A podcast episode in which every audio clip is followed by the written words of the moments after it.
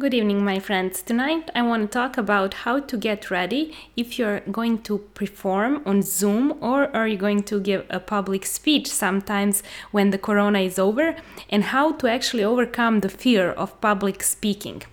I think I'm a good person to talk about this because uh, since elementary school I've performed both uh, talks and both the reading my poems in front of 300 people and playing in some acting classes and just I never actually was the person that was uh, very afraid and intimidated because uh, I'm always very passionate about the message that I have to share even if it's reading a kid's poem or talking about business. So my goal when I talk is not to uh, be smart, be pretty, or anything else.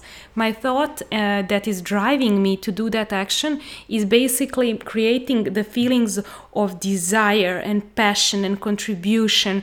And that is why when I step on stage, I don't feel ashamed, even if I make a mistake. Even now, if people laugh at me, if they don't like how I talk, or if they don't like how I pronounce words, or if they don't like that I make mistakes, I don't mind them laughing because for me, getting the message across and using myself as a medium to get the message across is the most important purpose of my life. If I've learned something, I want to share it. And even if the message is broken, and even if, if I don't do it perfectly, I want to try to do my best to get the message across if the message is meaningful to my life. So when I go on stage, I don't think about how I look like, I don't think about how I talk. I only think about how can I best contribute to these people today and to the time I have to get this message across. If you are like me and very passionate about sharing your message, you will try to focus then more on that than on yourself because people don't care about us they don't care how we look like they are there to hear the message. But there are of course some tips that i want to share with you today that are helpful but keep in mind these come after the thought and the eh, idea to message is the most important thing. So these all come after you figuring out what is the message and what is your why and why it is so meaningful that it needs to be shared in front of 10 people or 10,000 people.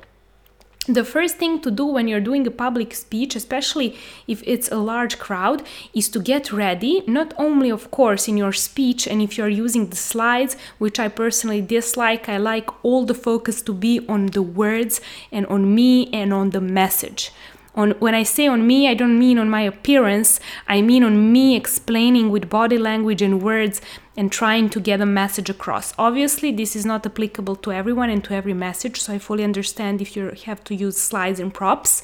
And in that case you need to get very uh, well prepared in advance and both the technical part to go and see uh, if they have all the gadgets you need and all the equipment you need and also to go and see where is the place uh, uh, how is the place going to look like where is it how, how is the echo how is the sound how loud you have to speak do, do you need a mic? So you need to know all of these things in advance. Make sure to go and see the stage where you will be talking or the school or the room or wherever it is. And also if you're doing it uh, online on Zoom, try to have a really nice background and not to have so much stuff and clutter behind you because it will distract the people that are across on Zoom and you don't want their mind wandering around asking like who is that in the picture, you know, and stuff like that. The things that can also help you a lot is to uh, read and learn and ask about demographics of people that will be attending your speech. If it's a company, you already probably know who they are and what they're in for uh, why they're there. But if you're going to visit a conference or some school, always ask. I always ask, what are their age? Uh, the, the, are they girls or guys?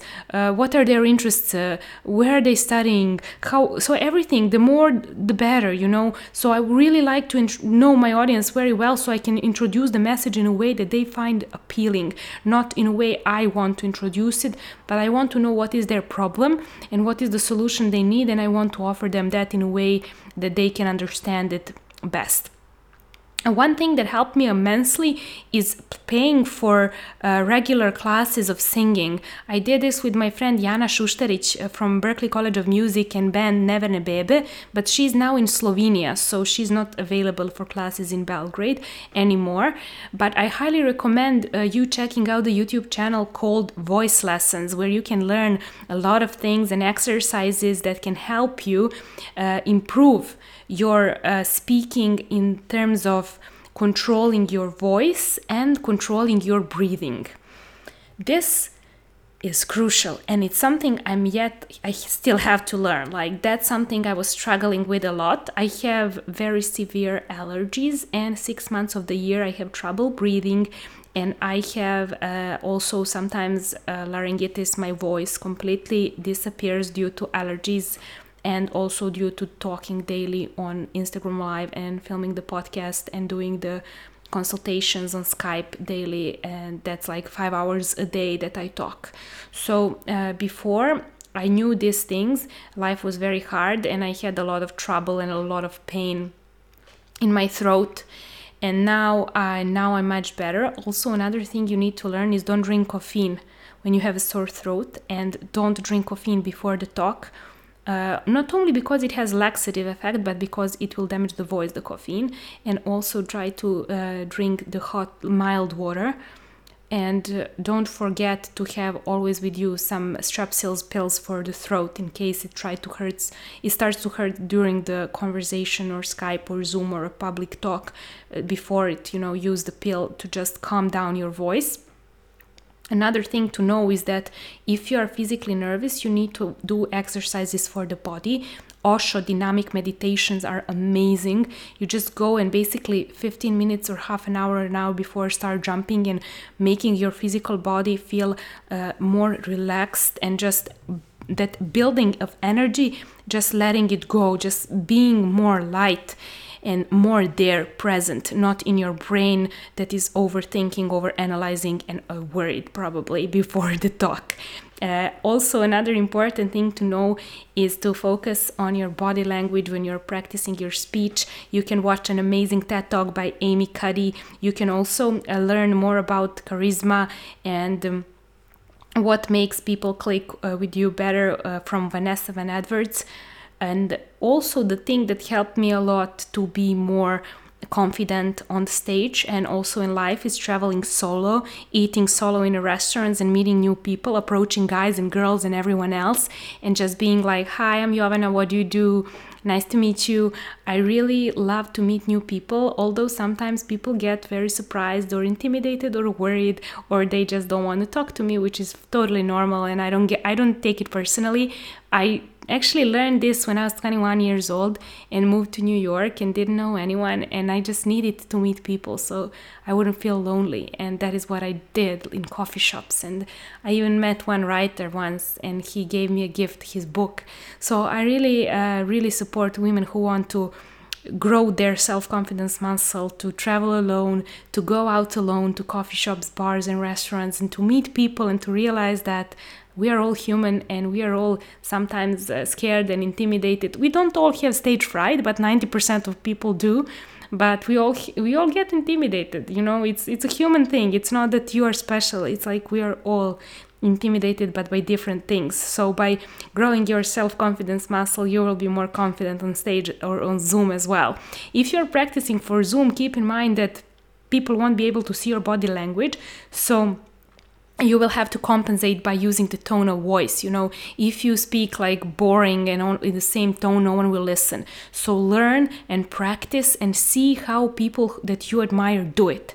And then practice with your friends practice with me practice with anyone. Just call somebody and talk. Talk in english if you have to practice or in french or in serbian croatian whatever language you speak. And make sure to really be who you are, but also keep in mind that you can't be completely authentic because you are there to perform, you're not there to talk with a friend. Just wanted to make that clear, and that is the reason I also recommend you watch a TED talk, The Power of Being Inauthentic by Mark Bowden, because it's an amazing TED talk that talks exactly about what I've just mentioned, but much better than I did. A book that I recommend is by Nick Morgan, who has an amazing newsletter and website as well. And the book is titled Can You Hear Me? It's an amazing book that will also help you out a lot when it comes to uh, performance and public talks and everything related to performing in front of a lot of people. Uh, last thing I wanted to say is be confident about your appearance. Even though people are not there for that you do that for yourself. So if you are like me and usually in sweatpants and jeans and totally casual, then when you're going to perform and do a talk, have your signature look. If it's something corporate, have a really nice suit. It doesn't has, have to be expensive. I bought mine at Zara and it fits me perfectly. And it looks very expensive because I never wear it, so it's practically new. I think I even had it only once. I, I went to dry clean it, you know, because it's totally clean. I just wear it that day and like I don't know when again, you know? So uh, create your signature look for performance and get into that role. It's maybe a new hairstyle uh, or maybe some makeup that make you feel empowered or maybe some clothes that make you stand out and feel stronger or a bracelet or jewelry whatever is your style but keep in mind we don't want to make you not look like yourself we just want to do a little pivot of your regular day look to signify to yourself that you got this. You are powerful, you are strong, you are there, you're showing up, you're getting a message across, you're doing something that makes a difference. And you should be bold and proud and ballsy because you've got that. You're just gonna exercise, you're just gonna do the things that I've mentioned here, read the books, watch the TED Talks, pay for one or two voice lessons. If you can't pay, go to YouTube to Voice Lessons channel, exercise, breathing, Osho dynamic meditations, travel alone, eat alone, meet new people. Try to make fun of this whole thing. Try to make fun of yourself. Don't get worried. I made a lot of mistakes. I fell on stage. Everything happened to me on stage basically because I've been doing this for 10 years. And I laugh at me because I see that I made a mistake. And if I tr- start to laugh, the others will laugh too. Do you think that other people are in there looking for you to fail? No, they want to have fun. They want to enjoy your talk. And then, if you make a mistake and start laughing, they will feel so much better because they're scared also. And they feel this shame wave. If you make a mistake, they get scared because they imagine how they would feel if they made it. So be the example, laugh at you, don't take this seriously. It's just one public performance. And if you fail it, it's okay because you showed up, and the next time it will be better. You will get better by practicing, not by thinking and analyzing and overthinking it, but by doing it. And also exercise with your friends, go to Toastmasters in your city, and do everything that you can to become a better public speaker. It will open a lot of doors and it will get you a bigger salary and it, it will enable you to sell more things. And if this was something that's useful and you have any questions, you know where to find me jovana.miljanovic at gmail.com. Do not hesitate to shoot me a message if you need any special tips for your own case. I am there to be found at all times. I love you very much. Thank you for listening to my podcast. I'm going to do this daily for 100 days, and I can't wait to see where that will get us both, me and you.